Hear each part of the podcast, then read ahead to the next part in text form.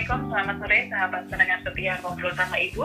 Masih bersama dengan Ibu Isti. Nah, Isti, di masa pandemi saat ini, ternyata kita banyak melihat hal-hal gitu ya. Kita perlu saling tolong-menolong kepada orang lain yang membutuhkan. Nah, bagaimana nih Bu Isti, tips and trick mengajak anak-anak kita untuk uh, bisa berbagi gitu Bu Isti? Baik Mbak Vita, kita memang perlu mengajarkan berbagi itu pada anak. Tentu saja hal yang penting yang perlu kita ajarkan pada anak supaya anak mau berbagi itu ada dua hal. Yang satu adalah empati, yang kedua adalah ikhlas. Sebelum kita mengajak dia berbagi, kita harus bersyukur atas apa yang kita nikmati. Ini perlu kita sadarkan pada anak. Misalnya dengan kalimat begini, Alhamdulillah ya nak ya, kita bersyukur apa yang kita lihat kita bisa makan setiap hari dengan lauk pauk. Kita bisa tinggal di rumah yang ada lampunya. Kita punya pakaian yang layak. Ada loh orang lain yang tidak bisa menikmati seperti kita. Makan tidak bisa setiap hari tiga kali, rumah juga tidak ada lampunya, atau pakaiannya hanya satu atau dua saja. Jadi kita menggambarkan bahwa kita dalam posisi yang beruntung, perlu bersyukur, dan ada orang lain yang tidak bisa menikmati seperti yang kita alamin. Jadi ini konsep ini yang kita sadarkan pada anak. Nah, bagaimana caranya? Bisa saja pada waktu kita lewat orang lain, itu kita bisa menyadarkan. Atau kalau sekarang di masa pandemi, di rumah, kita bisa buka HP, internet, kita lihat. Jadi di sini kita menyadarkan ke anak-anak bahwa mereka butuh bantuan gitu ya. Nah, biasanya kalau anak diajak bicara ini dia akan jawab oh karena mereka juga mengabstraksikan itu kadang-kala juga butuh waktu tidak langsung bisa mengerti. Nah, pada waktu dia sudah sadar bahwa kita ini beruntung, kita ini bersyukur, kita menyadarkan kepada anak, gimana kalau kita berbagi sama mereka? Kita punya makanan dan kebetulan hari ini ibu masak lebih dan ibu juga kenal dengan orang yang bisa bantu kita untuk membagikan kepada mereka yuk bantu ibu yuk untuk membungkusin makanan ini. Jadi kita melibatkan anak untuk membantu kita menyiapkan makanan tersebut. Jadi anak diajak untuk membungkus, kemudian merapikan, menaruh di tempatnya, dan membantu juga menyerahkan ada orang yang bisa membantu kita. Jadi anak merasa terlibat. Kemudian kalau cara yang lain, tadi makanan, kalau pakaian gimana? Ya kalau pakaian kita juga bisa mengajak mereka. Kakak, Kakak punya apa tidak baju yang jarang dipakai?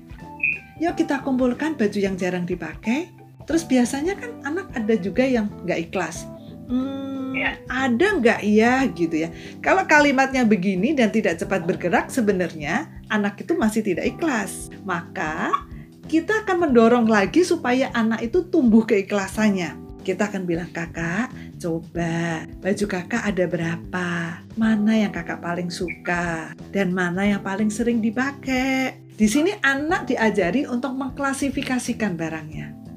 Jadi sebelum dia ikhlas, kita mengklasifikasikan dulu mana yang sering dipakai dan mana yang tidak sering dipakai. Nanti dia bilang, ini aku suka tapi tidak sering dipakai.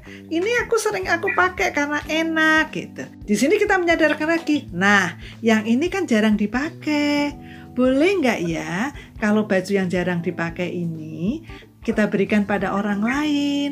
Ada orang lain loh yang membutuhkan dan akan senang kalau mendapat barang ini. Oke, bolehlah. Di sini sudah kita munculkan bahwa anak menjadi ikhlas. Kemudian kita akan kuatkan lagi. Nah, tapi nanti kalau sudah dikasih, kakak harus ikhlas ya, supaya orang lain senang menerimanya.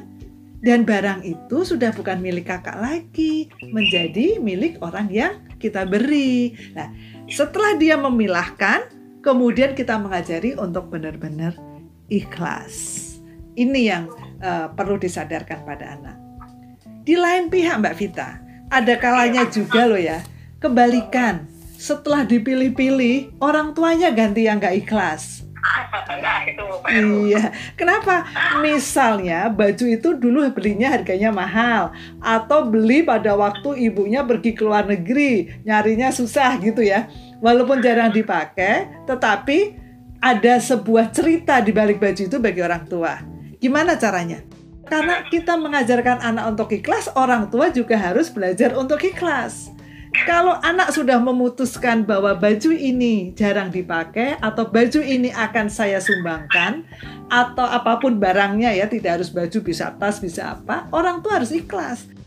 Jadi di sini yang ikhlas itu tidak ada anak tetapi juga orang tua. Dengan demikian Mbak Vita, kalau kita bisa simpulkan, yang pertama adalah mengajarkan anak mempunyai rasa syukur dulu, kemudian anak diajak untuk berempati dan melatih mereka untuk ikhlas. Dengan cara yang pertama adalah mengajarkan ikhlas. Kalau belum ikhlas, kita harus mengajari dia untuk mengklasifikasikan barang yang sering dipakai dan tidak dipakai.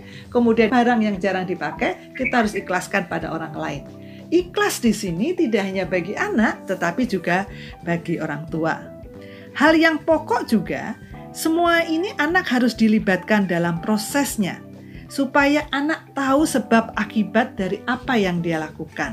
Kalau tidak masa pandemi, sebenarnya anak bisa diajak pada waktu serah terima barang dan anak akan bisa mengetahui kalau seseorang itu menerima barang dan itu memang diperlukan, itu akan membuat mereka senang. Di sini anak bisa merasakan bahwa perbuatannya ini mengakibatkan orang lain senang dan ini akan membuat dia juga senang. Kira-kira demikian Mbak Vita. Baik, terima kasih banyak uh, Visi untuk sharingnya tadi. Baik sahabat, terima kasih telah mendengarkan beliau sama Ibu. Silakan pertanyaan yang lain bisa langsung ketik di kolom komen. Sampai jumpa di episode podcast berikutnya. Jangan lupa juga untuk subscribe, komen, dan share. Assalamualaikum warahmatullahi wabarakatuh.